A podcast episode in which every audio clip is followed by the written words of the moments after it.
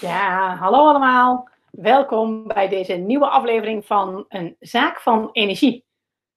Uh, we starten heel iets later voor de live luisteraars, want ja, je weet hoe dat gaat. Hè? Lekker slapen vannacht, vanochtend bij het wakker worden. Allerlei inspiratie over dit webinar. En daar moest ik er natuurlijk nog even aan toevoegen. En ik was nog even de laatste versie van de presentatie. Natuurlijk had ik gisteren alles keurig voorbereid. Alles gisteravond al klaarstaan.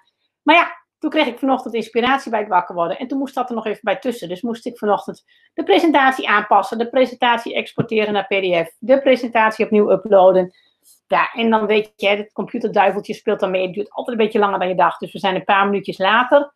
Uh, maar het goede nieuws is dat alle verse inspiratie gewoon is meegenomen. En er gewoon lekker in zit. Dus we gaan beginnen met deze nieuwe aflevering van een, uh, een zaak van energie. Uh, ik zet een video voor de live luisteraars uit. Zodat die mijzelf vooral niet in de weg zit. Nou, hartstikke leuk dat jullie er weer allemaal bij zijn. Een goede ochtend, helemaal leuk. Ik zie weer een heleboel namen. Bekende namen, nieuwe namen. Dus uh, gaan lekker beginnen. Ehm, nou, vandaag hebben we een, een mooi onderwerp, namelijk uh, de energie van mannen en vrouwen. Hoe zit dat? En daar is ontzettend veel interessants over te vertellen. Zoveel dat ik dat ook in twee afleveringen ga doen. Dus aflevering 1, dat zijn de eerste inzichten, eerste idee van hoe je daarna kunt kijken, doen we vandaag. En daar gaan we dan de volgende keer dieper op in. Want uh, ja, ik had het in één aflevering kunnen proppen misschien, maar je merkt daar wel elke week de afleveringen worden al best wel wat langer. En uh, proppen is sowieso geen goed idee. Je moet natuurlijk wel relaxed blijven en moet wel zacht werken blijven. En Bovendien zijn het ook best een aantal verschillende ideeën, waarvan het leuke is om ook eens een week op zo'n ideetje te kouwen en er is een weekje over te denken. Dus daarom doen we het lekker in, eh, in twee delen. Nou, we gaan het vandaag dus hebben over die energie van mannen en vrouwen. Ik ga je daar tips en advies bij geven. We hebben een aantal leuke ingediende vragen die ook hiermee te maken hebben en te maken hebben met met de onderwerpen uit de vorige afleveringen, zoals het overvloedsdenken en het samen taartjes bakken. Daar gaan we uitgebreid op in. Er is volop ruimte voor de live chat. Dus heb je live vragen? Wil je dingen toevoegen? Wil je dingen weten? dit is de klas waarin je gewoon door de juf heen mag praten. Stel je vraag lekker in de chat. En uh, ik kijk steeds met een half oogje naar de chat. Ik zie alle vragen. En uh, vragen die toepasselijk zijn, of als we daar tijd voor hebben, dan, dan ga ik daar gewoon rustig op in. Dus doe je live mee, stel vooral je vragen.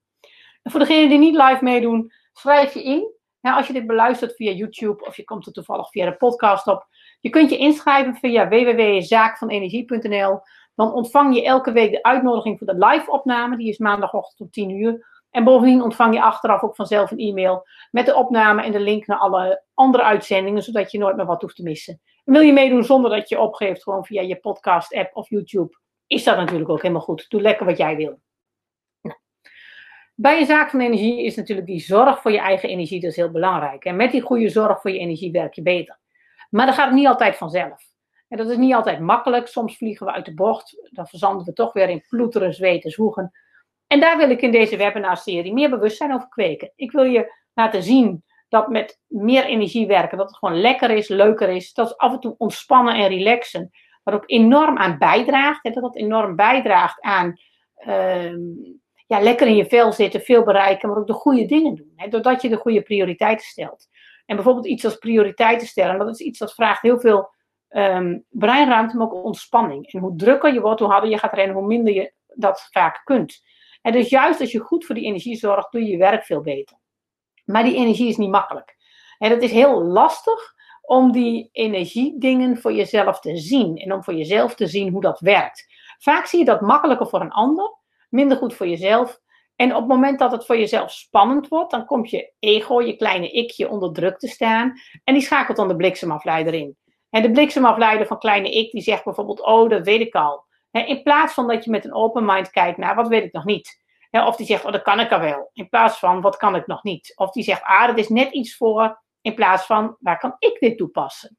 Of wat doe ik nog niet? In plaats van steeds kijken van, ja, dat doe ik al wel goed of um, dat je, als je nu dadelijk dingen hoort, dat je zegt, ja, wat ik in mijn eigen coaching altijd al vertel, of wat ik mijn klanten leer, is, nee, kijk dan nu voor jezelf. Kijk voor jezelf, wat kan ik mezelf vertellen? Wat kan ik hiervan leren?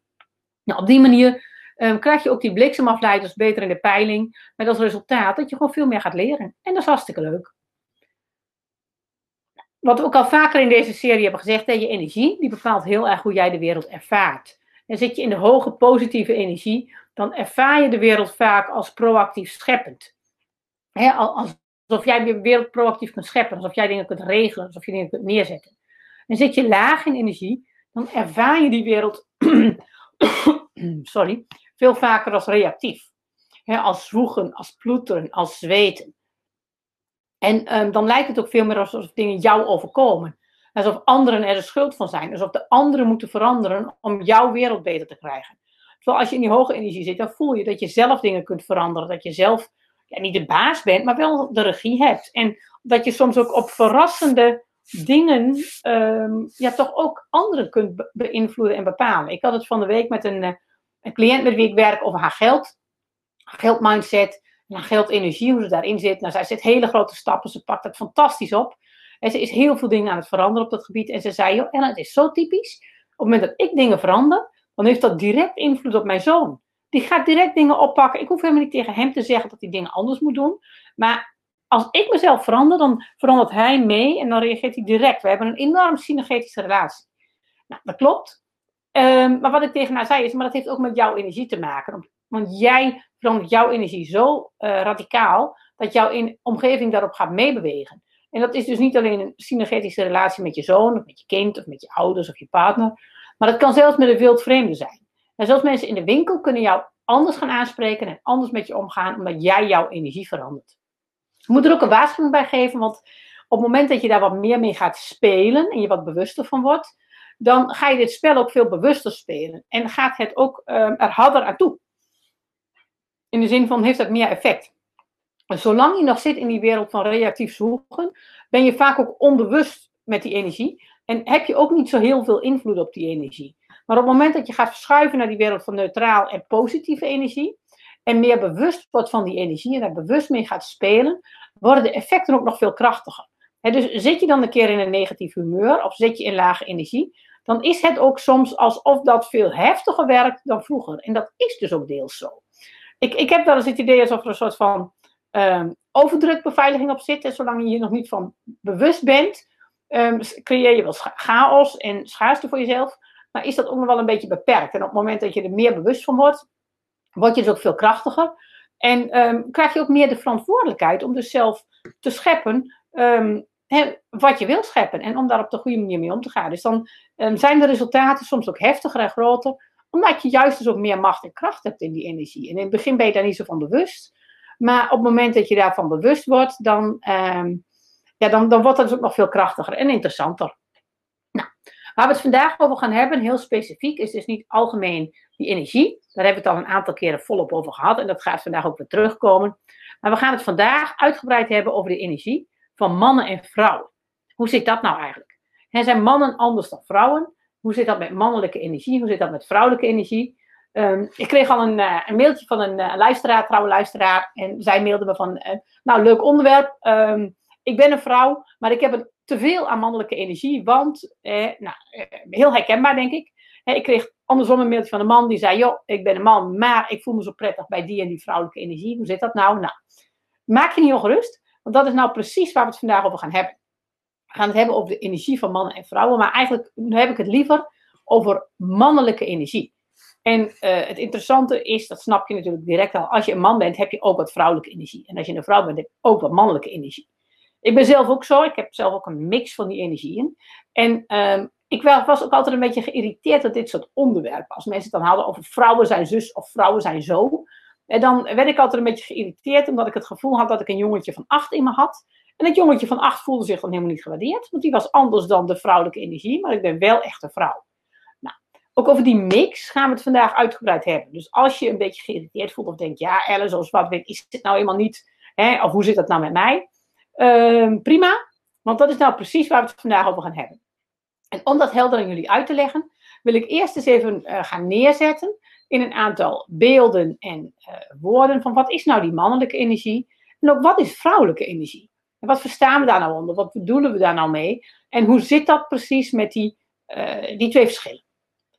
Nou, wat is mannelijke energie? Als we het over mannelijke energie hebben, hebben we het vaak over dingen als competitie, winnen. Zoals je die, die stoere Australische rugbymannen hier op de foto ziet staan van het begin van de 20e eeuw. Hè, mannelijke energie, dat is doelen stellen, ergens naartoe werken. Dat is vaak resultaatgericht. En die willen kampioen worden. En die willen vechten, knokken, ervoor gaan. met mannelijke energie um, associëren we nog veel meer. Ik heb hier maar een paar dingen opgeschreven. En vaak analytisch, rationeel, logisch denken. Plan, planmatig naar een doel toe werken. Het rationele denken wordt vaak typisch gezien als mannelijke energie. ook overzicht over de hoofdzaken. En dan kun je, uh, wat zegt ja, de man wordt dan gezien als de jager. die kijkt naar het totaal. en die heeft het overzicht over het totale bos. En die zoekt uit het overzicht zijn prooi. En die is ook veroverend. de man is op zoek naar de prooi. Die jaagt op de mooiste vrouw. Qua motoriek is het bijvoorbeeld zo dat we vaak de grove motoriek dingen vinden we mannelijker. Hè, schoppen, slaan, gooien, rennen, springen. Terwijl de, de, de vrouwelijke energie is meer de fijne motoriek. Hè, borduren, eh, handwerken, koken. Terwijl mannen natuurlijk ook prima kunnen koken. En vrouwen ook prima kunnen gooien, schoppen, slaan of rennen. En maar zo zien we het vaak als hè, mannelijke energie heeft meer dit soort elementen. Hè, en daarnaast, of daartegenover, is dan de vrouwelijke energie. En de vrouwelijke energie, die is totaal anders. de vrouwelijke energie is, dan, is, is niet zozeer competitief winnend, de doelen stellen, maar die is meer ontvangend, afwachtend. We hebben het ook vaak over moeder aarde. En die is verzorgend, gevend, meelevend. Ehm, het leven barend, dus levengevend. Maar eigenlijk ook het levengevend zonder daar ehm, veel actieve actie aan te verbinden die vrouw die is ontvangend en van daaruit groeit het leven als vanzelf. Eh, vrouwelijke energie zien we ook vaak als intuïtief. tegenover het rationeel, logisch denkende van de mannelijke energie, zeggen we de vrouwelijke energie die is intuïtief, invoelend. Die voelt ook de connectie met het geheel. Waarbij de man meer die connectie ehm, ziet in de buitenwereld, voelt die vrouw dat in haar binnenwereld. En dat is de vrouwelijke energie. En vrouwelijke energie is ook meer van de details, het inzoomen. Hè, in de winkel, oh dit truitje, dat shirtje. Vroeger in het bos, die bramen, die bessen, die wortels, die noten. Meer naar de details kijkend. En terwijl mannen dan meer op de steppen dat geheel overzien, op zoek naar de prooi. En waarbij we net hadden gezegd van die mannelijke energie, die is uh, veroverend, die wil de mooiste vrouw. Wat doet dan die vrouwelijke energie? Die vrouwelijke energie die is selecterend. En die kiest de sterke man. En dus vergis je daar niet in. We hebben ook in de biologie is bijvoorbeeld heel lang gedacht dat het snelste zaadje, de competitieve mannelijke blik, het, het snelste zaadje, wat het eerste bij het eitje is, dat doet de bevruchting. Het sterkste zaadje. En uit onderzoek blijkt nu dat dat helemaal niet zo is. er komen een heleboel zaadcellen aan rond een eicel en die tikken er allemaal tegenaan. En op een gegeven moment uh, gaat er één zaadcel naar binnen. En waarvan ze nu veel meer het idee hebben van, hey, dat wordt misschien wel bepaald door de eicel, welke zaadcel naar binnen mag. En er zijn ook mensen die zeggen van ja, nee, die, die uh, zaadcellen die gaan met z'n allen die, die wand van de eicel zachter maken totdat er eentje naar binnen kan. En maar je ziet het ook, en dat selectiemechanisme van de, de vrouwelijke energie, je ziet die mannen hè, in een, uh, bij het stappen, die, die, zijn stoer en die zijn, lopen rond van kijk mij eens. En die vrouw die zit op haar barkruk en die zegt, nou, wie wil ik? Aan de andere kant heeft de vrouwelijke energie natuurlijk ook een actiekant. En die vrouwen die staan actief te chansen en te dansen op de dansvloer. En die mannen staan een biertje drinken aan de kant en die knipogen en uh, proberen daarmee weer de vrouwen naar zich toe te lokken. Dus je ziet ook wel dat dit wat, wat door elkaar heen loopt. En maar die vrouwelijke energie, die heeft veel meer vaak deze componenten. En qua motoriek is dat ook weer, dat, bij die mannelijke energie is het vaak, hè, het, het, slepen, sjouwen, zwoegen. Uh, de kracht wordt ingezet. De, de, motorieke man kan eindeloos, ik heb, ik heb twee zoons en een man. Die jongens die kunnen eindeloos met een cricketballetje staan prutsen om precies het balletje met het goede effect op precies het goede puntje van het gras te laten landen. Daar kunnen ze uren mee bezig zijn. Daar kunnen ze hun motoriek ongelooflijk ver mee ontwikkelen. En dan komen ze thuis, dan komen ze binnen en dan geven ze mij hun overhemd en dan zeggen ze, kun jij dat knopje eraan zetten? ja, dat doe, je maar lekker zelf. Dat kun je toch ook zelf? Ja, maar ik krijg de, de draad niet door de naald. He, dat, dat fijne priegelwerk. En dat is heel grappig. Die mannen kunnen dus uren trainen en daar ook heel veel plezier in hebben om zo'n uh, balletje met hun, en dus zo'n grove motoriek trainend, om daar heel precies in te zijn. Door die fijne motoriek van zo'n uh, draad door de naald is dan heel frustrerend. En dus dat ehm, is ook niet goed of fout, maar het is gewoon een verschil in die, die energie. Als je trouwens live meedoet en hier vragen of opmerkingen bij hebt, stel ze gewoon. Hè. Stel je vragen. Uh, ik vind het juist leuk om dit met z'n allen te doen, om het met z'n allen over te hebben. Dus heb je vragen, aanvullingen, reacties, stel ze gerust. Ik ben heel benieuwd naar ook jullie inzichten op dit gebied. En als het, zoals ik het tot nu toe heb neergezet, die mannelijke en vrouwelijke energie, dat zie je ook al een beetje aan de foto's, het is natuurlijk wel een beetje zwart-wit. want ehm, vlinders, er zijn uh, vlinders vrouwelijk. Ehm, ja, misschien wel, maar als je hier live meedoet, je luistert niet via de podcast, maar je kijkt via YouTube of je doet live mee, dan zie je een foto van een stoere mannenkop met een hele grote vlindertattoo erop. Ja, dat is, een, is dat nou, zijn vlinders dan vrouwelijk? Nou, in deze vorm zijn vlinders best wel mannelijk. Maar andersom, er zijn tattoos mannelijk, best wel. Maar als je live meedoet of via YouTube, dan zie je een foto van een hele vrouwelijke vrouw die helemaal bedekt is met tattoos. dus zo eenvoudig, en van dit is mannelijk of dit is vrouwelijk, zo heel zwart-wit, kun je dat eigenlijk helemaal niet altijd zeggen. Dus hoe zit dat nou met die mannelijke of die vrouwelijke energie?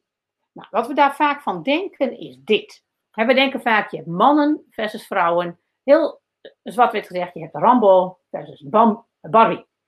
En eigenlijk is dat ook een beetje een klassieke misvatting.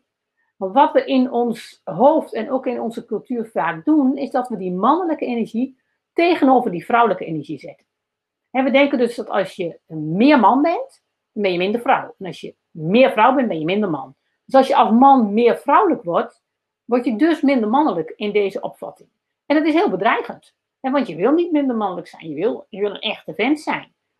En als je op deze manier over mannelijkheid en vrouwelijkheid denkt, dus op één as, waaraan aan de ene kant staan de mannelijke kwaliteiten en aan de andere kant de vrouwelijke kwaliteiten, dan is meer vrouwelijkheid dus heel bedreigend voor je mannelijkheid. Of meer mannelijkheid is bedreigend voor je vrouwelijkheid. Nou, daar komt het inzicht van deze week. En het inzicht van deze week is: wat nou als het nou eens helemaal geen tegenstelling is? Dat mannelijk-vrouwelijk. Als het nou niet zo zwart-wit ligt. Hoe zou je daar anders tegenaan kunnen kijken? Hoe je daar anders tegenaan kunt kijken, is dat te zien dat het niet één as is. Het is niet een as met mannelijkheid versus vrouwelijkheid. Het zijn twee assen. Het is aan de ene kant staat de as van laag mannelijk naar hoog mannelijk. En aan de andere kant heb je de as van laag vrouwelijk naar hoog vrouwelijk. En zo krijg je dus vier gebieden. Je krijgt bijvoorbeeld het ene gebied met laag mannelijk en hoog vrouwelijke kwaliteiten. Dat is typisch de prototype Barbie. Eh, de prototype uh, vrouwelijke eigenschappen, heel weinig mannelijke eigenschappen. Dus het verzorgende, uh, mooie kleertjes, lange blonde haren, heel veel extreem vrouwelijk figuur, grote borsten, overdreven slanke taille. En daarom vind ik Barbie een leuk voorbeeld om dit te gebruiken. Want um, ondanks alles wat er mis is met Barbie als vrouwelijk rolmodel, laat Barbie wel heel leuk zien dat ze eigenlijk is gebaseerd op dat hele primitieve beeld van de. Ehm, van, van het hoogvrouwelijk, laagmannelijk. En een ander beeld wat we daarnaast hebben, wat zit dan in het andere kwadrant, hier het kwadrant van laagvrouwelijk en hoogmannelijk, wie staat daar tegenover? Ja, dat is natuurlijk Rambo. De Rambo is stoer, mannelijk, krachtig, en uh, relatief laag vrouwelijk. En dit is eigenlijk de klassieke tegenstelling. Als je het dus hebt over die klassieke tegenstelling tussen mannen en vrouwen, dan heb je het over deze as. Dan heb je dus laag mannelijk, hoog vrouwelijk Barbie, ten opzichte van laag vrouwelijk, hoog mannelijk de Rambo. En de, grote vraag is natuurlijk, als je dit zo voor je ziet, deze assen, dan zie je ook dat er hier ook nog een hoek is. En dat is de hoek met hoog vrouwelijk en hoog mannelijk. En wat zit daar dan? Wat kan daar zitten? Nou, ik ben heel benieuwd voor de mensen die live meedoen. Eh, voordat ik nu verder ga en jullie hier meer over ga vertellen, wat is jullie idee hierover? Wat zou hier kunnen zitten? Wat denken jullie daarover? Wat denken jullie daarvan?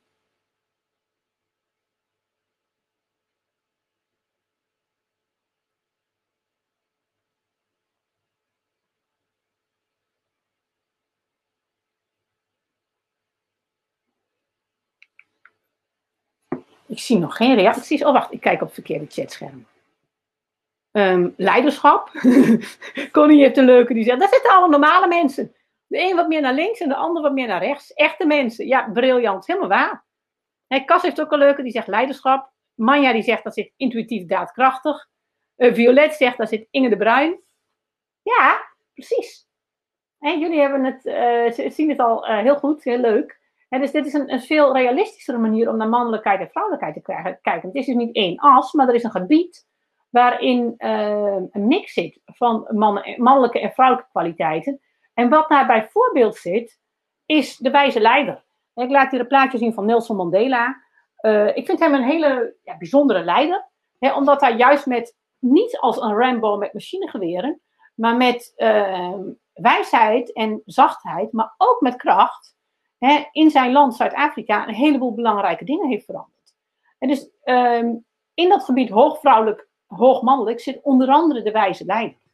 En wat is de wijze leider? De wijze leider, hier zien we een nieuw plaatje, voor degenen die niet live meekijken. Bij de wijze leider laat ik ook het plaatje zien van Angela Merkel, de, de, de baas van Duitsland. De wijze leider die kan namelijk mannelijke en vrouwelijke energie combineren. En die kan gebruiken wat in die situatie het meest effectief is. En die heeft dus ook een veel breder repertoire van handelingen waarop ze een beroep kan doen. waar de klassieke Barbie vooral een beroep kan doen op haar vrouwelijkheid, haar zachtheid, haar liefheid, het giechelen. En de klassieke Rambo, daadkracht, doelen stellen, competitie, zijn stoerheid inzetten, kan de wijze leider eigenlijk van beide kanten gebruik maken. Dus die kan met de vuist op, tafel slaan en die kan zeggen van, uh, en nu is het mooi geweest, hier stel ik een grens tot hier en niet verder. Die kan een doel stellen, een punt op de horizon. Maar die kan er ook met zachtheid naartoe werken. Die kan ook afwachten. Die kan ook intuïtie inzetten. En die is ook sensitief voor wat speelt er in mijn omgeving. En wat zijn belangen van verschillende partijen? Dat is weer wat meer het mannelijke, het rationele. En die kan dat ook invoelen en combineren. En je ziet dus dat die wijze leider, die kan dus op een hele goede manier de sterke kanten van mannelijkheid en vrouwelijkheid combineren. En die kan ook afwisselend van de situatie inzetten wat nodig is. En heeft dus ook een veel breder repertoire aan handelingen waarop ze een beroep kan doen.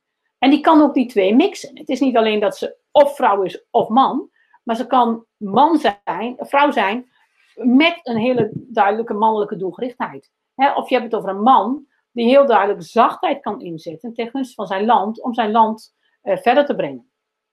en um, Kas zegt inderdaad het verschil buitenwereld, binnenwereld. Ja, maar het is ook het is niet alleen het verschil buitenwereld, binnenwereld, het is ook een verschil in buitenwereld, buitenwereld. En een verschil in binnenwereld, binnenwereld. Het, zijn, het leuke is dus als je die, die tegenstelling van mannelijkheid, vrouwelijkheid kunt overstijgen, dan ga je dus een heleboel mogelijkheden zien in dat vierde kwadrant, hè, van hoogmannelijk, hoogvrouwelijk, waarin je eigenlijk kunt ontwikkelen tot een combinatie van uh, mannelijke, vrouwelijke eigenschappen, zonder dat het een ten koste van de ander gaat. Je wordt niet minder Rambo, je wordt niet minder Barbie, maar je kunt naast je Barbie-kwaliteiten ook af en toe eens wat Rambo-kracht inzetten. Of naast je Rambo-kracht kun je ook af en toe wat, uh, wat Barbie-kwaliteiten inzetten. En waardoor je gewoon ja, meer kunt, meer kunt bereiken. En uh, een klassiek voorbeeld is natuurlijk, jullie zeiden het al, Inge de Bruin. Hè, de sportieve vrouw. We zien hier een plaatje van een uh, klassieke cricketdame, ook rond 1900 gemaakt, die foto. Hè, de sportende vrouwen is echt niet alleen van nu, dat was toen ook al. Hè, maar ehm, vrouwen die dus met hun grove motoriek, met slaan, met bewegen, dingen doen en daar goed in zijn, die waren er toen ook al. Dus dat is ook zo'n voorbeeld. Naast de, de, de, wijze leider heb je de sportieve vrouw. Een ander voorbeeld, we zien hier een plaatje van een, een matroos in een boot die wegvaart en uh, afscheid neemt van zijn hondje, wat op de kade staat en die zijn hand uitsteekt naar het hondje. Uh, uh, de aanhankelijke man. De man die liefde voelt voor zijn hondje, zorgzaam is en daar een groet naar uitbrengt. En dat is ook een, een vorm van het vierde kwadrant. Een andere vorm is dit plaatje. We zien hier een foto van, volgens mij was dit uit, de Tweede Wereldoorlog in Australië. Een aantal werkende vrouwen op een legerbasis onder een vliegtuig. De werkende vrouw. En dat is ook een vorm van die uh, twee energieën. De vrouw is niet alleen zorgend, maar ook werkend. En andersom, hè, een plaatje van een, vader met een baby, heb je natuurlijk ook de zorgende man. Hè, de vader met een baan, een eigen bedrijf in dit geval. Hè, een, druk eigen bedrijf wat hij aan het opzetten is, waar hij heel veel te doen heeft. En tegelijkertijd met heel veel plezier met zijn babytje in zijn armen zit. En ook van dat aspect van het leven geniet. En, en je ziet dus hier ook dat die, juist die combinatie van, van mannelijk en vrouwelijk zorgt voor een breder repertoire. Evelien zegt een breder repertoire. I like. Ja, precies. Robert zegt, ik ben een fanatieke bouwvakker, maar ik borduur ook heel graag. Ja, geweldig voorbeeld, Robert. Ja, want ik denk dat heel veel mensen in dit uh, webinar dit wel herkennen. Want ik heb dit namelijk zelf ook heel sterk, hè, die combinatie van mannelijk-vrouwelijk. En ik merk ook dat ik um, daardoor onbewust, dat gaat vanzelf, ook veel mensen aantrekt die dat ook hebben en die dat ook leuk vinden. Die combinatie van mannelijk en vrouwelijk. en uh, voor Robert is dan nog het geluk dat je ook je fijne motoriek zover hebt ontwikkeld dat je het borduren zelfs kunt. en dat je dat goed afgaat en daar plezier in hebt. Dus dat is inderdaad hartstikke gaaf. Een hele mooie combi. En het leuke is ook om je dan dus te beseffen dat borduren maak je dus niet minder bouwvakker. Sterker nog, um, doordat je dus in die fijne motoriek ook bezig bent met beeld, met ontwerp, leer je kwaliteiten die jou beter maken dan de Rambo bouwvakker, die alleen inzet op zijn mannelijke kant. En uh, zegt, dat hebben we allemaal. We zijn niet zwart-wit als model. Nee, precies. We zijn allemaal gekleurd. We zijn allemaal niet zwart-wit. We hebben allemaal onze mannelijke en vrouwelijke kanten. Uh, dat is helemaal waar. Maar wat ik wel zie in onze maatschappij, is dat uh, de tegenstelling man-vrouw, of dat man en vrouw vaak als een tegenstelling wordt gezien. En dat vind ik echt een belangrijke misvatting. Want daardoor gaan vrouwen dus denken dat ze niet mannelijk mogen zijn, omdat het ten koste van hun vrouwelijkheid gaat. En mannen gaan denken dat ze niet mogen zorgen of vrouwelijke kwaliteiten mogen hebben, omdat dat ten koste van hun mannelijkheid gaat. Waardoor, uh, kijk, zelfstandige, eigenwijze individuen zoals wij denken op een gegeven moment, ja, weet je, ik ben wie ik ben, ik ga gewoon mijn gang. En ik leer dat als kind al heel jong, doordat ik op de basisschool een tijdje gepest werd door een aantal meisjes uit de klas, die ik als mijn vriendin zag. En uh, ik voetbalde toen ook al, dat deed ik al veel. Ik zat bij een voetbalclub. En dan liep ik weg bij de meisjes en dan ging ik op schoolplein zitten kijken naar het voetballen bij de jongens. En de meester die zag dat op een gegeven moment dat ik daar een eentje zat. En uh, die heeft toen geregeld dat ik met de jongens mocht meevoetballen. En uh, het grappige was toen dat meestal mochten de meisjes niet meevoetballen, want de meeste meisjes konden ook niet voetballen. En dan was het spel voor de jongens niet leuk, want die wilden een beetje duwen, trekken, schoppen. En ik kon dat spel wel. Ik was zeker niet de minste voetballer op het plein, dus ik verzwakte hun team ook niet. Dus ik mocht als meisje, al heel jong, heb ik geleerd om in jongetjesmaatschappij, namelijk voetbal op plein, mee te doen. En uh, ik leerde dus als kind ook eigenlijk al heel snel om dus op beide kanten te acteren. Want ik, had, ik was ook zo'n meisje dat. Um, ik speelde met Barbies. Ik heb zelfs truitjes voor mijn Barbies gebreid. Hè, en ik heb hier mijn, uh, mijn favoriete Barbie nog steeds in de kast staan. Maar ik speelde ook met technisch Lego. Dus ik had als kind heb ik al heel erg die beide kanten ontwikkeld. En dat, um, als je gelukkig bent als kind, uh, laat die ouders dat toe. Hè, en uh, kan dat. Maar omdat dit in de, onze maatschappij veel als een tegenstelling wordt gezien, mannelijk versus vrouwelijk, hebben sommige ouders en ook kinderen en mensen daar moeite mee. Hè. Denken ze dat het niet goed is als je als bouwvakker ook borduurt. Of dat je als meisje ook met technisch Lego speelt. En um, ik denk dus dat dit plaatje van die uh, vier kwadranten laat zien dat mannelijkheid en vrouwelijkheid naast elkaar kunnen bestaan. Dat je dus en hoog vrouwelijk en hoog mannelijk kunt zijn. Dat je daardoor dus veel sterker kunt zijn. Dat je een breder repertoire hebt aan handelingen. En kan zeggen, het is een uh, generatief probleem, een generatieprobleem. Um, en vraagt, wat is de verandering door één gezinnen? Ja, de verandering door één gezinnen, dat kan zowel positief als negatief zijn. Want ik ken bijvoorbeeld ook jongens die zeggen van, nou, ik ben opgegroeid bij mijn moeder, maar ik heb mijn vader weinig meegemaakt, dus ik heb geen uh, mannelijke rolmodellen gezien. ik heb geen positieve mannelijke rolmodellen. Uh, andere jongens zullen zeggen van ja, weet je, hè, uh, jongens zijn ook heel veel onder elkaar. Bijvoorbeeld bij de voetbalclub met voetbaltrainers. Dus mannelijke rolmodellen hoeven lang niet altijd voor de klas te staan of uh, thuis te zijn. En dat, die kun je ook op een ander moment om je heen vinden. maar het is wel leuk als je dus zowel in je omgeving positieve mannelijke als vrouwelijke rolmodellen hebt. En dat is dus wel belangrijk, denk ik, voor jongens als meisjes. Dat je beide om je heen ziet. Maar het is ook belangrijk dat je dus ziet. Um, dat het niet alleen gaat om het, mannelijke en het vrouwelijke, maar ook om die combinatie. En die rolmodellen kun je ook om je heen vinden. En daar wil ik nog wat uh, meer op ingaan. En want hoe zit het nou met die stoere meiden versus de zachte jongens? Ik was altijd zo'n stoer meisje. En wat ik eigenlijk ook merkte, is die stoere vrouwen, die zijn eigenlijk wel oké. Okay. En dat vinden mannen, uh, sommige, veel mannen eigenlijk ook best wel leuk. Um, ik weet nog dat ik op de middelbare school een keer werd aangesproken door een jongen. Ik had altijd kort haar. En die zei van, joh, Ellen, als jij uh, lang haar zou hebben, zou je best wel een stuk zijn. en toen, lekker op zijn achterhoofd. Joh, Ellen, als je lang haar zou hebben, dan zou je, ben je best wel een stuk. Nou, en ik zei, ik dacht van, nou, weet je, als je mij leuk vindt vanwege mijn lange haar, omdat ik er dan vrouwelijk uitzie, dan hoef ik je helemaal niet. En zo eigen gereid was ik op dat moment wel. Maar ik merkte ook wel, als stoer meisje, weet je, ik voetbalde. Ik snapte de buitenspelval. Ik kon op maandag meepraten over het voetbal van de zondag, het profvoetbal wat er was gebeurd. Ik vroeg de leukste jongens in de klas natuurlijk op maandag van, hey, heb je nog voetbald? Hoe ging je wedstrijd? Tegen wie speelde je? En dan vonden die jongens hartstikke leuk. Ik was namelijk als meisje heel uh, benaderbaar voor ze. Heel toegankelijk. En dat maakte natuurlijk ook dat ik altijd de leukste jongens kon uitkiezen als vriendje. Omdat ik een stoer meisje was, wat met hen op hun niveau kon praten. En dus dat maakte dingen ook best wel makkelijk. Die stoere meiden die vinden we wel oké. Okay en um, Kas zegt, het, heeft ook een rol op van uh, pater of maternalisatie. Hè, precies van hoe zit dat in onze maatschappij. Maar ik, later ging ik mij pas beseffen van, dit hier is ook een keerzijde van. heeft dat invloed gehad op je carrière? Ja, natuurlijk. Want ik kon altijd makkelijk schakelen met mannen en vrouwen. En ik kon me ook goed stand houden in mannelijke omgevingen. dus op het moment dat ik voor mijn uh, afstuderen ehm, in een magazijn moest gaan werken met magazijnmedewerkers en veel mannen, ja, weet je, daar zat ik niet mee. Dat vond ik prima. en op het moment dat ik ehm, tijdens mijn promotieonderzoek in de fokkerfabrieken op de werkvloer rondliep met teams van, uh, namelijk technische mannen, helemaal prima, daar red ik me wel mee. Dus het, ik merkte ook in mijn carrière al dat ook mijn handelingsrepertoire was breder. Ik kon zowel schakelen met mannen als vrouwen en ik kon met beide uit de voeten. Dus dat was heel handig. Maar er zit ook een keerzijde aan. En die keerzijde, die realiseerde ik me eigenlijk pas later, toen ik jongens kreeg. En toen kreeg ik eh, twee hele leuke, lieve, stoere jongens, die fanatiek zijn in sport, aanvoerder zijn van hun sportteam, maar ook heel lief en zorgzaam zijn. En mijn oudste bijvoorbeeld van, uh, mijn jongens verschillen zeven jaar, zijn heel gek op elkaar. Dus mijn oudste was op een gegeven moment 14, eh, 12, 14 en die had dan gevoetbald en had zijn broertje aan de kant gezeten. Nou, dan was de wedstrijd voorbij, zo'n puberjongen, die begon allemaal een beetje slungelig te worden. En krijgen een zware stem en ze lopen zo slungelig van het veld af. En dan kwam hij als 14-jarige van het veld af en dan zat zijn 7-jarige broertje daar. En dan bukte hij zich naar zijn broertje, dan tilde hij hem op, dan gaf hij hem een zoen. En dan nam, hij zijn broertje in zijn armen van het veld af. En dan zei hij, kom eens hier, vent. Kom eens bij me.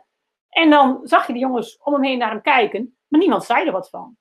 En ik stond daar als moeder eerst even best wel wat geschrokken te kijken. Oh, wat doet hij nou? Hè? Kan dat zomaar? En toen merkte ik, ja, weet je, hij straalt zo die zelfverzekerdheid uit. Dat gaat wel. Maar zorgende mannen zijn in onze maatschappij niet zo vanzelfsprekend. Ik, kwam, uh, ik heb heel erg gegoogeld naar plaatjes van zorgende mannen. Hè, bijvoorbeeld een mannelijke uh, verpleger hè, en dat soort dingen. Die zijn best wel moeilijk te vinden. En wat ik daarbij tegenkwam was deze advertentie. Een Engelse advertentie. Are you man enough to be a nurse?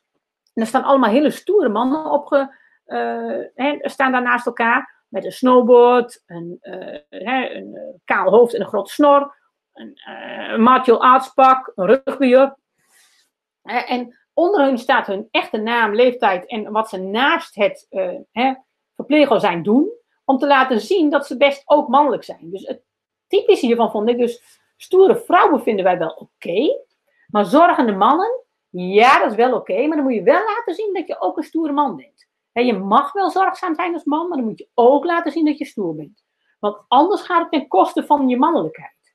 en ik denk dus in onze maatschappij dat uh, we hebben een behoorlijke slag van emancipatie achter de rug.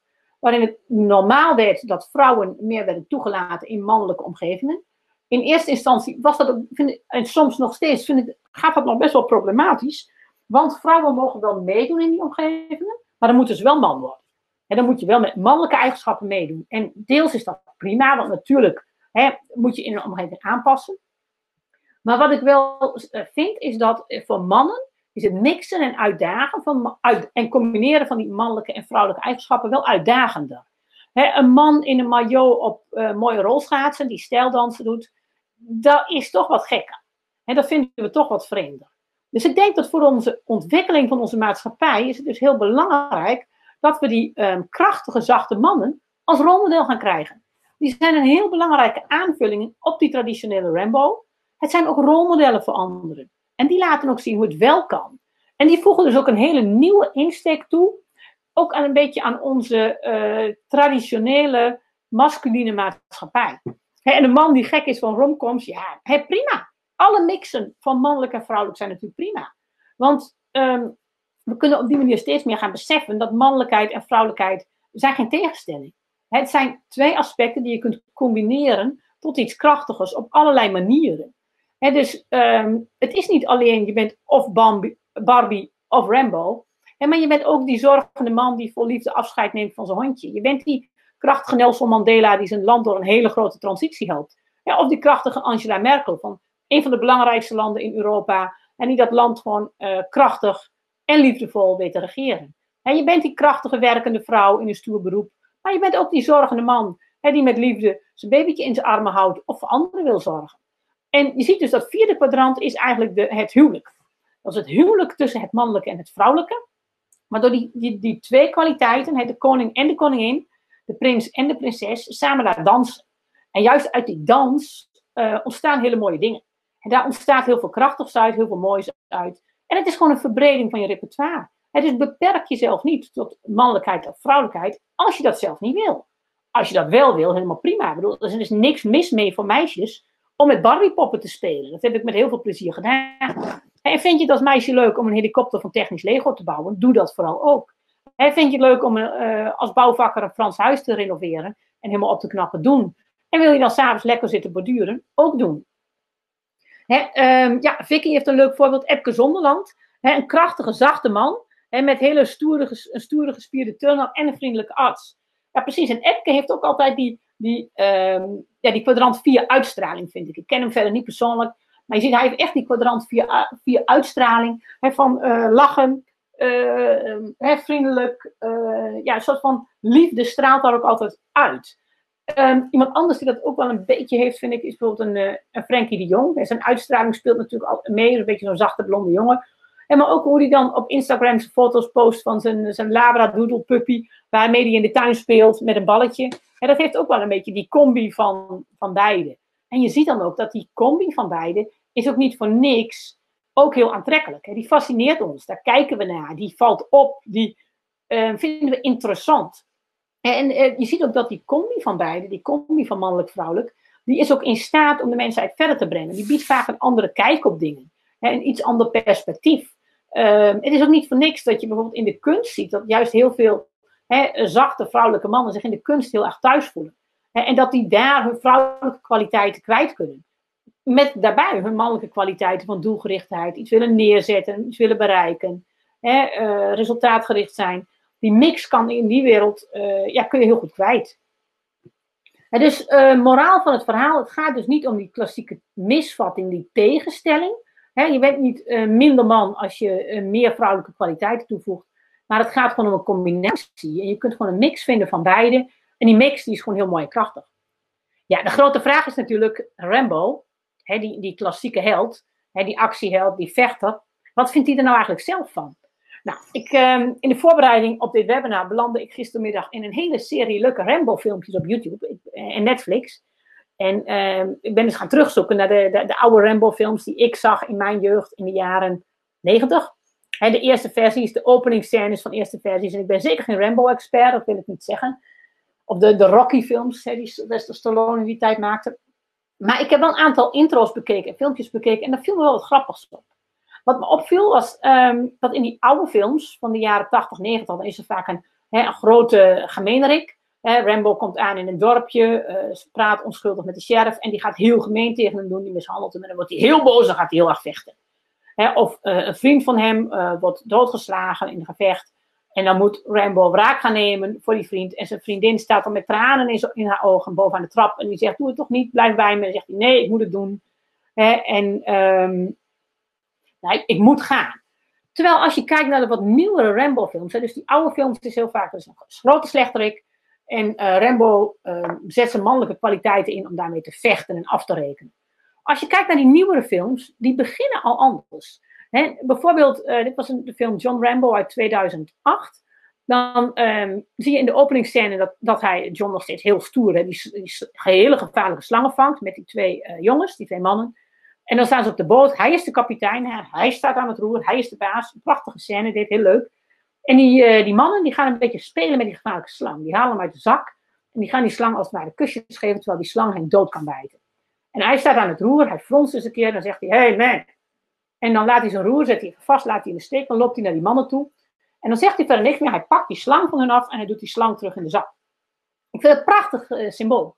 Want daarmee is hij dus uh, op zijn mannelijke manier heel zorgzaam voor die man. Hij zegt, hé hey joh, we doen hier niet uh, stoere spelletjes. Uh, stoere, stoere spelletjes van zo'n slangenkusje geven zijn dom. Ja, hij zegt er verder niks over, maar hij heeft dan het, het alfamannetjes overwicht. Die mannen kijken hem aan en nou, dan is het goed. En even later vangen die mannen een, je ze heel mannelijk staan met een pijl en boog. En dan schieten ze op een vis die onder het water zwemt. En die vis die hangen ze aan de boeg van de boot. Hebben ze een fijn maaltje. Maar een stukje verder komen ze dan monniken bezig, be langs. Komen ze tegen met een klein jongetje. En dan krijgen die uh, monniken, het goddelijke, die krijgen dan de vis als gift. Dus die vis eten ze niet zelf op, die geven ze dan weg. En kortom, het leuke is als je dan kijkt naar die Rambo-films van uh, begintijd en nu dan, ja, je zou daar een goede analyse op los moeten laten. Ik zou best eens een heel weekend uh, Rambo-introducties willen gaan kijken. Al die films, alle eerste 20 minuten. En hoe zit dat nou in elkaar? De, En dat uh, lijkt me super leuk om te doen. Maar wat ik er nu en met een snelle analyse van zag, is dat dus ook die klassieke Rambo, die klassieke rechts onderin, is ook aan het veranderen. in die films wordt ook de vrouwelijke kwaliteit van zorgzaamheid getoond en van samen delen. En dat is niet alleen het, uh, het, stoere vechten, maar die films die beginnen nu al heel bewust met een heel ander soort lijden. ook de John Rambo is aan het veranderen. Ik vind dat super cool. Want hij is natuurlijk niet minder krachtig, hij is nog steeds sterk. Het gaat nog steeds om de actie en ook om het vechten tegen het kwaad in de wereld, maar wel op een andere manier en op een andere vorm. Uh, Violet heeft een leuke vraag die zegt: Ik ben wel benieuwd naar dat laatste kwadrant. Wat zijn daar de voorbeelden van? Ja, dat is een goede vraag. En hoe zit het nou met laag mannelijk, laag vrouwelijk? Nou, ik heb dit, uh, dit model wel eens een paar keer met mensen besproken, met vrienden op cursussen waar ik was. Hè. Op het moment dat het over die tegenstelling mannelijk-vrouwelijk ging, dan zei ik wel eens: Het is geen tegenstelling, je kunt het zo zien. En dan kregen we ook altijd de vraag van, ja, wat zit er nou in dit kwadrant? Dat laag mannelijk, laag vrouwelijk. En daar kunnen we ons niet zo heel veel bij voorstellen. Ehm, sommige mensen zeiden van, ja, het zijn een beetje de... de de, de, de, de, iemand zei ja, die, die zag in dit kwadrant wel een wat, uh, ja, dat was een Amerikaanse tv-personage, wat een beetje een, uh, slappe, vervelende, verwijfde homo was. Maar ook direct wat negatief. He, zo van uh, een beetje vlees nog vis. Maar ook niet beide krachtig, maar juist beide niet. En niet echt mannelijk, niet echt vrouwelijk. Maar um, baby's, ja, baby's zijn. Baby's zou je daar misschien kunnen hebben, die hebben dat nog wat minder ontwikkeld. Baby's, kleuters, peuters, die hebben gewoon het speelse inderdaad. Uh, misschien kinderen tot een jaar of twee, drie wel. En dat die hier zitten omdat beide kanten niet zo ontwikkeld zijn. Maar als je het voor volwassenen ziet, dan is dit een, ja, toch een beetje vlees nog vis. Maar ik vind het ook moeilijk om er echt een beeld bij te hebben. Dit is gewoon wat minder ingevuld. En misschien is dit ook wel gewoon wat minder onzichtbaar en krachtig. Hè? En is, moet je misschien wel op een van de aspecten, mannelijk of vrouwelijk of allebei, krachtig zijn om meer zichtbaar te worden in het leven. Hè, precies, Violet zegt ook misschien de minder zichtbare mensen in de maatschappij. Hè? Dat zou best kunnen. Um, is een, uh, of, willen we die niet zien? Ja, hè, of zijn die minder zichtbaar? Dat is inderdaad een leuke veronderstelling. Dus ik zou zeggen, denk er eens over na. En ook als luisteraar, als je later luistert, heb je er ideeën over? Mail me gerust. Ik ben heel benieuwd naar jullie aanvullingen. Ik ga hier volgende week op door. Hè, dus over dit mannelijk-vrouwelijk. Maar um, het is heel, ik, vond, ik vond dit een heel interessant model. Toen ik het zelf had bedacht, vielen voor mij heel veel kwartjes. Heel veel dingen vielen op hun plek. En sindsdien kon ik het ook veel meer gaan zien als een kracht. Het mannelijke en het vrouwelijke. En hoe je die krachten naast elkaar kunt inzetten. En kunt samensmeden tot een gelukkig huwelijk van een krachtige koning en koningin. En die samen dansen. En wat moois doen. En ik vond het dus ook super grappig gisteren in, die, uh, in mijn Rambo-zoektocht. Dat ik eigenlijk een beetje op zoek was naar de, de, de klassieke uh, zwart-wit Rambo-plaatjes. En eigenlijk op een veel genuanceerder gekleurd beeld uitkwam. Waarin Rambo ook zijn zorgzame kant laat zien. Nou, wat ook nog heel leuk is, om eens om te gaan kijken naar hoe zit het nou met die mannelijke, vrouwelijke energie en schaarste en overvloed. Dat is een hele nieuwe vraag. Dat is een heel nieuw hoofdstuk. En daar ga ik het vandaag ook niet meer met jullie over hebben. Um, want daar zit namelijk ontzettend veel leuks en interessants en moois achter. Heel veel waardevols. En daar gaan we de aflevering van volgende week aan besteden. Dus ik ga nu over naar jullie ingediende vragen. Maar een paar leuke vragen, ook over die mannelijkheid, vrouwelijkheid. En uh, daar gaan we eens even naar kijken. Een eerste vraag was van Robert. Die zei: uh, Ik krijg meer energie van vriendinnen dan van vrienden. De meeste mannen werken me eerder op mijn zenuwen en bij vrouwen voel ik me meer op mijn gemak. Daar beleef ik energieverschaffende momenten mee. Rara, hoe kan dat? Nou, ik ben benieuwd, Robert, of je daar zelf nu al anders tegenaan kijkt. Maar ik denk dat dit plaatje jou een heleboel vertelt.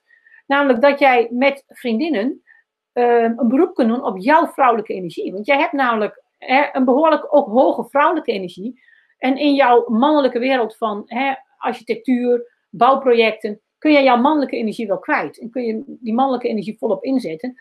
En juist in je vrije tijd kun je dus uh, met contact met vriendinnen ook je vrouwelijke energie ontwikkelen. En blijft die combinatie dus ook heel erg leuk.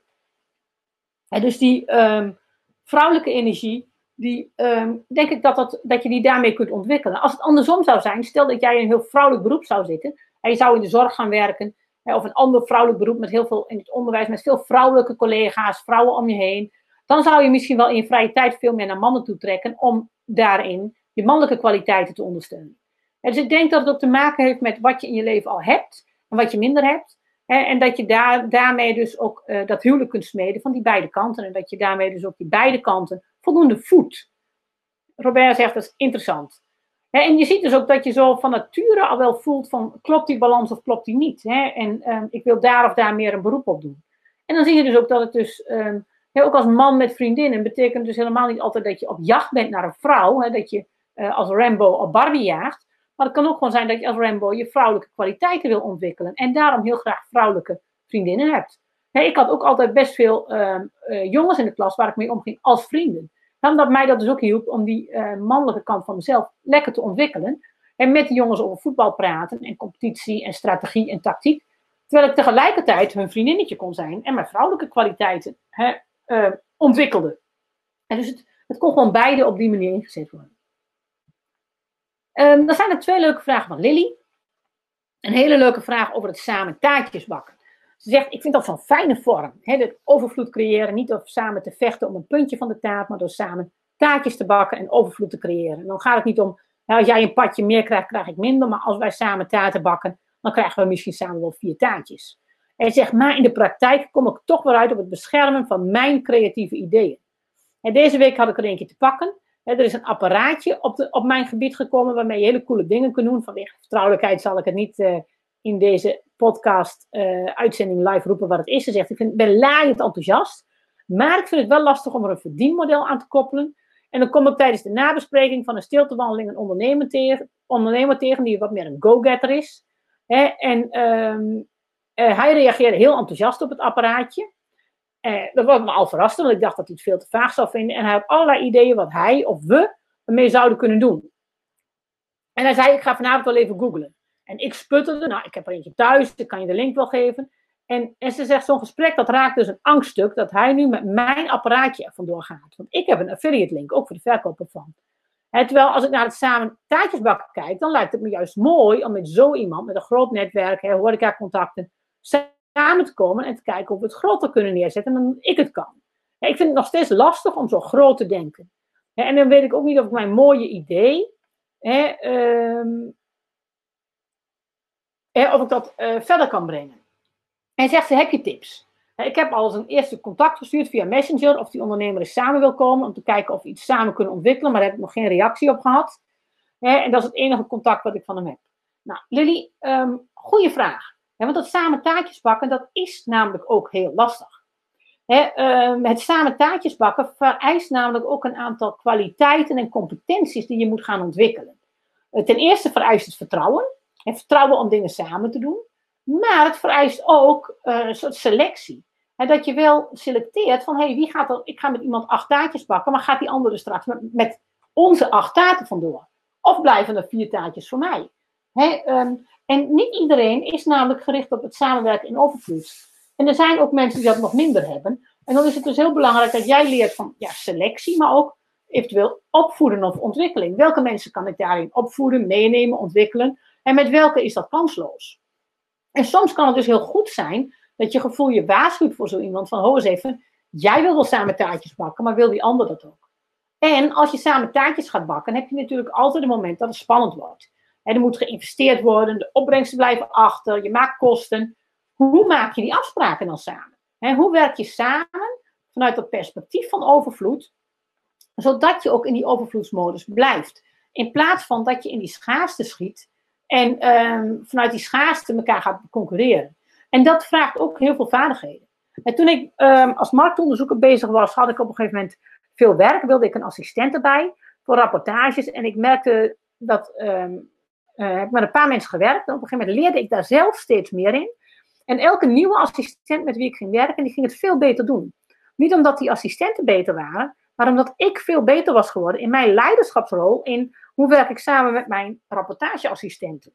En op het laatst ging ik dus ook veel meer eisen stellen, maar kon ik zelf dus ook veel beter aangeven wat ik nodig had voor mijn rapportages. Waardoor die, die samenwerking veel lekkerder liep.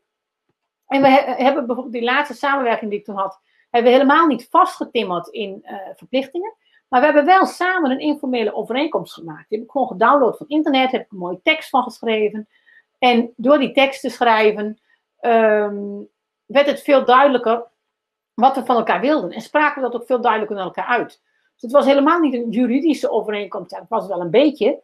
Maar het was met name een samenwerkingsovereenkomst van vertrouwen. Van hoe werken wij samen? Wat is van jou? Wat is van mij? Wat gunnen we elkaar? Hoe doen we het niet? Hoe gaan we ermee om als er problemen zijn? Niet om alles juridisch vanuit schaarste vast te timmeren, maar juist om in overvloed te kunnen blijven opereren. En wat ik toen heb geleerd, is ook dat samenwerken in overvloed, dat is echt niet vanzelfsprekend. Dat vraagt heel veel routines en vaardigheden die we in onze maatschappij lang niet altijd hebben neergezet. Ook mensen om me heen zeiden, nou ja, weet je, je moet zo'n contract toch langs een jurist halen. En hoezo verkoop jij, geef jij zomaar de beste klanten van jouw bedrijf aan haar? En toen ik wilde stoppen met mijn marktonderzoekbedrijf. En zonder verder overnamecontract, zonder juristen. En hoezo vertrouw je dat? Dat vonden mensen heel vreemd. Maar voor mij was dat toen, uh, voelde dat wel goed. En we hadden ook dingen wel opgeschreven via e-mail en samen. Maar die, dat samen elkaar vertrouwen werkte heel goed. Maar daarvoor moesten we ook nieuwe routines en samenwerkingen uh, ontwikkelen. En dus het is een heel, hele leuke vraag, voor dat samen taartjes bakken, dat samenwerken in opvloed, vereist dus ook wat van de andere kant. Het vereist wat van je samenwerking. En op het moment dat jij in overvloed zit en, en denkt van, nou, weet je, hier komt iemand uh, die, uh, met wie ik fijn kan samenwerken, dan ga je ook bijvoorbeeld niet denken als um, hij heeft een groot netwerk en ik heb dat nodig. of um, ik vind het lastig om groot te denken en hij kan wel groot denken, dus hij moet dat voor mij aanvullen. Ja, eigenlijk is dat een beetje reactief. En dan leg je dus de verantwoordelijkheid voor groot denken, voor netwerken, leg je helemaal bij hem. Je gaat ervan uit dat hij dat wel voor je oplost, dat het dan goed komt. En dan werk jij ook eigenlijk al niet meer vanuit overvloed, maar vanuit schaarste. Ik kan dit niet, dit moet hij invullen. Uh, zonder hem had, was mij dit niet gelukt. En dus het is heel interessant om te zien dat uh, je niet alleen dat gevoel van uh, schaarste opkomt, maar dat je dus zelf ook echt in die schaarste energie schiet rond die samenwerking. En dat je dus een soort van onbewust jouw schaarste triggers ehm, gaan opspelen, omdat jij in die schaarste energie schiet. En waardoor je dus ook um, ja, samen daar een heel lastige samenwerking uit gaat krijgen. Dus de uitdaging hier is hè, over het samen taartjes bakken.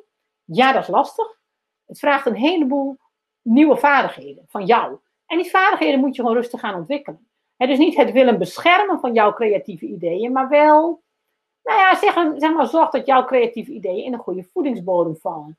En op het moment dat, jij, dat je iemand ontmoet die enthousiast is over jouw apparaatje, en je zegt van, we hebben ideeën wat, hij ermee, wat we ermee kunnen gaan doen. En jij hebt dan een verkooplink. Dan denk ik van, maar hoezo verkoop je hem het apparaatje niet gewoon? En je hebt dan een affiliate link voor de verkoper van. Verkoop hem dat apparaatje. En misschien wil hij wel veel meer apparaatjes via jou kopen. Of blijft het bij eentje. Maar ook daarin um, zie ik nu al een terughoudendheid. Terwijl je dus ook kunt zeggen van, ja, ik ga gewoon die apparaatjes volop verkopen. En hoe meer ik er verkoop, hoe meer ik leer, hoe meer ik erover weet. En dat geeft mij een voorsprong, die deel ik met de wereld. En, en daarvanuit ga ik weer groeien.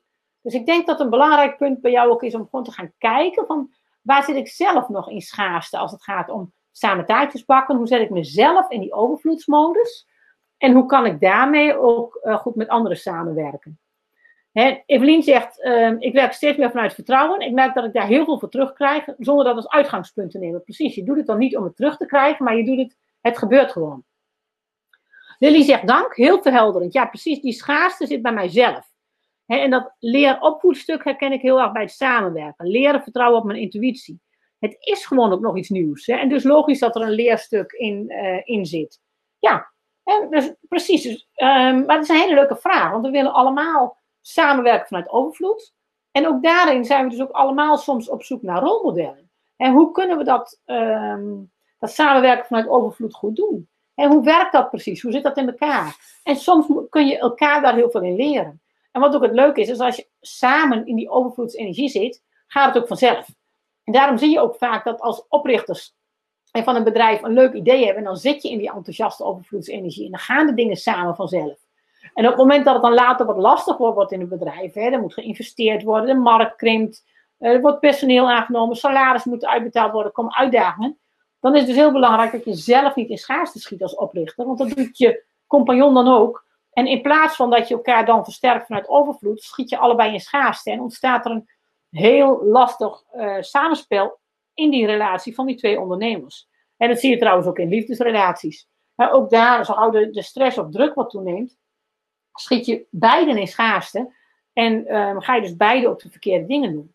En dus die, die dynamiek van schaarste, overvloed en relaties. Nou, volgens mij hebben we weer een nieuw onderwerp voor een webinar. Daar kun je ook een uur over praten. En er is ook heel veel over te zeggen. Lily heeft nog een leuke vraag. Ook heel belangrijk voor een boel mensen. Lily zegt, ik hoor allerlei positieve geluiden over Facebook ads. Het is weer een van die dingen die je moet doen. Facebook ad leidt naar een weggever, e-maillijst, funnel, verkoop. Maar het roept zoveel weerstand bij me op. Het hele statistische gedoe, brrr, conversies berekenen. Terwijl het klinkt heerlijk. Gewoon een beetje aan de knoppen draaien en het geld stroomt binnen. Maar ik weet niet precies wat de weerstand is, maar ik voel het als een fysiek misselijk worden haast. Best heftig. Is dat nu echt nodig? Of is er een samen taartjesbakken variant die veel blijer voelt? Leuke vraag.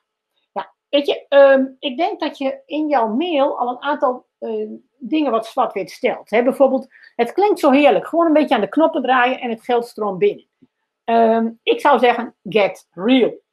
Als het zo simpel is, een beetje aan de knoppen draaien en het geld stroomt binnen, dan gaat iedereen dat op korte termijn doen. En dan werkt het ook al niet meer en stroomt het geld ook niet meer binnen.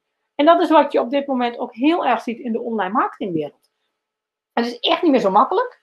Eh, online marketing was een, een, jaar of acht geleden een heel braakliggend stuk. Op dit moment is dat zich heel aan het professionaliseren.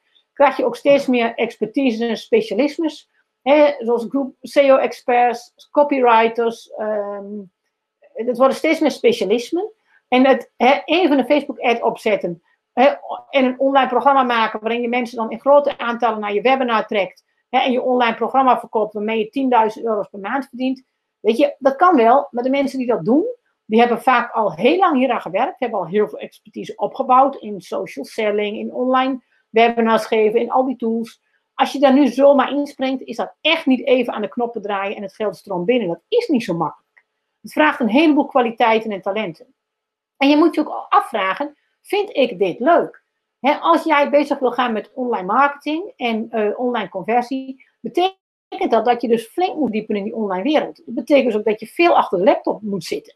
En hoeft echt niet 60 uur of 80 uur per week, maar je moet het wel leuk vinden om wat uit te vinden. En je moet enthousiast zijn, je moet helemaal induiken in zo'n opzet van een Facebook-ad met hoe moet dat grafisch, hoe moet dat qua tekst, uh, welke doelgroepen selecteer ik. Uh, je moet flink investeren in Facebook-uitgaven, zonder dat er misschien uh, altijd wat voor terugkomt. Dan moet je lol in hebben, moet bij je passen. Als ik jouw verhaal zo lees, vind jij dat helemaal niet leuk. En dus je wil hier dan gaan uh, door anderen laten overtuigen dat jij iets moet gaan doen wat eigenlijk niet bij jouw talenten en kwaliteiten en plezier past, omdat dan zogenaamd het geld binnenstroomt. Ja, um, ik zou zeggen, um, get real, grow up, zo werkt het dus niet.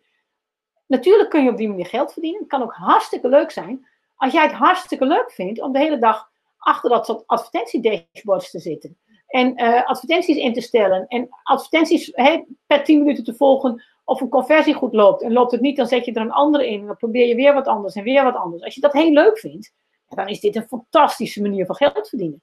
Maar als je dat niet zo leuk vindt, dan wordt het horror. En um, moraal van het verhaal hierbij is ook wel leuk. Want er is dus eigenlijk niet één hele makkelijke manier van geld verdienen. En die is er wel. De makkelijkste manier van geld verdienen is doe iets wat onvoorwaardelijk bij jou past. Bij jouw kwaliteiten, bij jouw plezier, bij jouw zin in het leven. Kies daarvoor. in mijn geval bijvoorbeeld, ik hou heel erg van verhalen vertellen. Ik hou van nieuwe dingen leren, concepten leren, modellen leren. En die dingen doorvertellen aan mensen. En ik hou ervan om daar een mooie presentatie van te maken. Met, met plaatjes, met verhalen, met voorbeelden. Ik hou ervan om dat live te doen voor een groep, om onderbroken te worden door vragen, om daarop te moeten improviseren. Dat zijn allemaal best wel lastige kwaliteiten.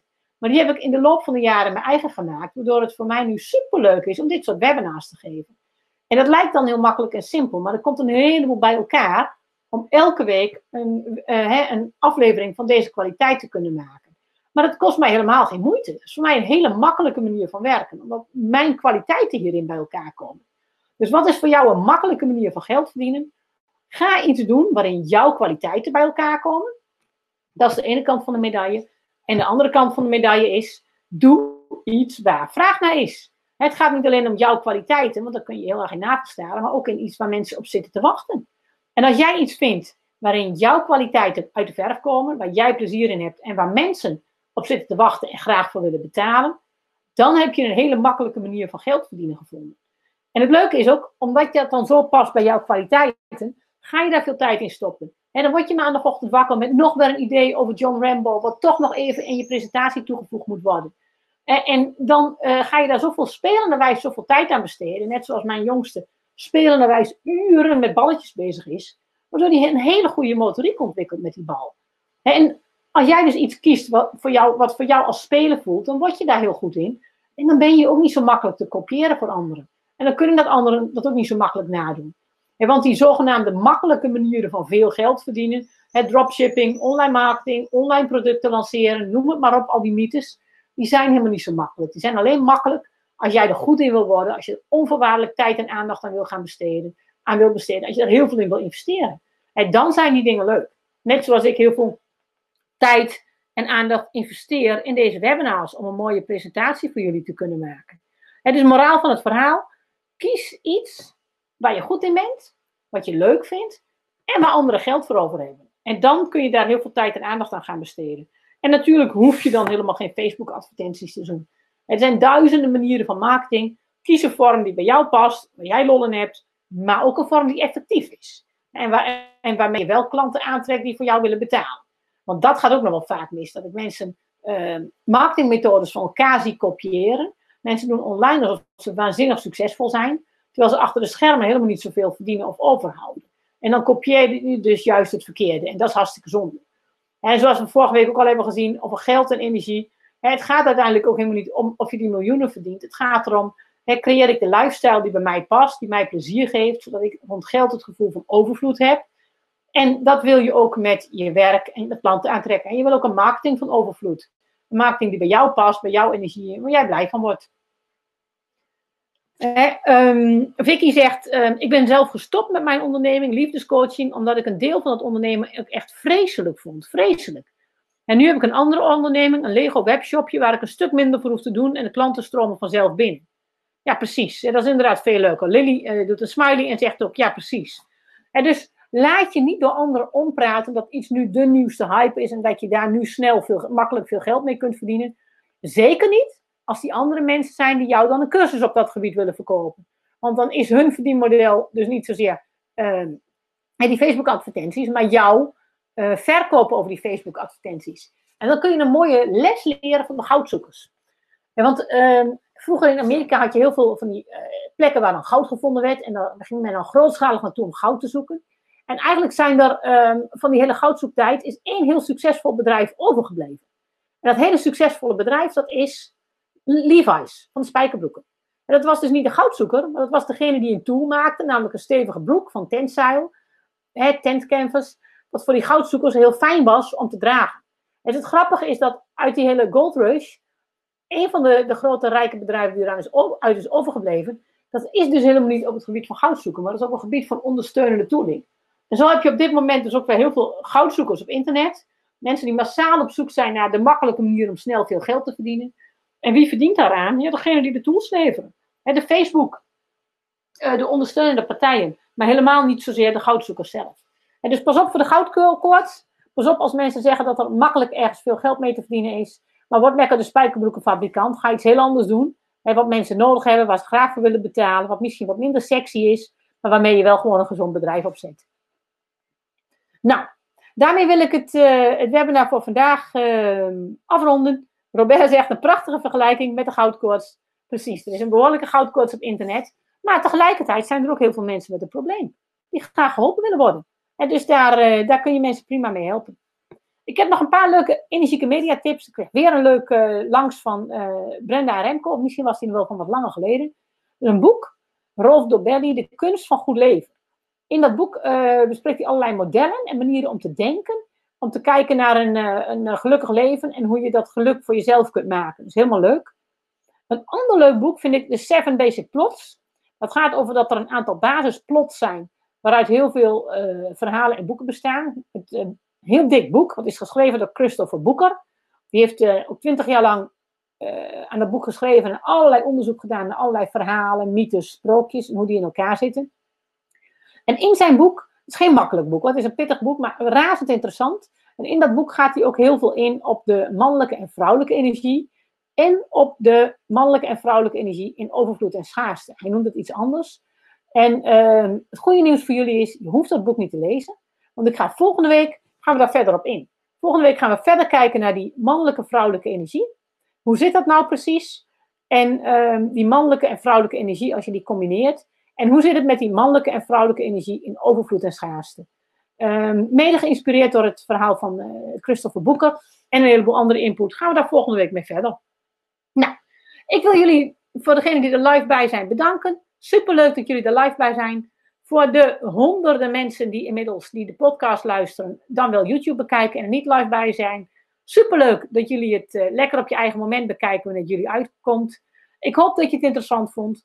Luister je naar de podcast, dan is het misschien toch ook handig om van deze aflevering ook even op YouTube te kijken.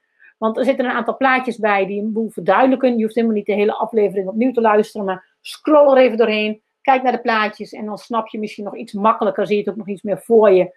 Wat ik heb verteld en hoe ik het heb uitgelegd. Nou, ik ga het voor deze week afronden. Lily zegt het wordt een Levi's. Die ga ik onthouden. Helemaal goed. Ingrid zegt dankjewel Ellen. Evelien zegt dank. Uh, Violet zegt, kun je nog even de boeken laten zien? Ja, is goed. Tijdens het afsluiten zal ik de energieke media tips nog even in beeld brengen. Um, Jannie zegt dankjewel. De boeken waren dus Rolf Dobelli, De kunst van een goed leven. En de Seven Basic Plots van Christopher Boeken. Vicky zegt tot volgende week. Nou. Je krijgt vanzelf, hè, was je er live bij of heb je ingeschreven via zaakvanenergie.nl, dan krijg je vanzelf de link naar de opname. Deel dit gerust met anderen. Ben je er volgende week weer bij? Dien dan je vraag in. Uiterlijk zondag om 8 uur. Hè, en schrijf je eventueel in via zaakvanenergie.nl. Mail me ook jouw energieke mediatips, want die blijven leuk. Hè? Wat is nou media in schaarste, maar vooral wat is media in overvloed? Waar worden we blij van? Waar krijgen we zin van? Wat helpt ons naar een gevoel van overvloed? Deel die dingen. En dan wens ik jullie allemaal een week vol fijne, overvloed, inspirerende energie. Violet zegt dankjewel, het was weer inspirerend. Janneke zegt veel dank, tot volgende week. Leuk dat je erbij was, Janneke. Robert zegt bedankt voor de maandagochtendopening. Ja, graag gedaan. Leuk dat je er weer bij was.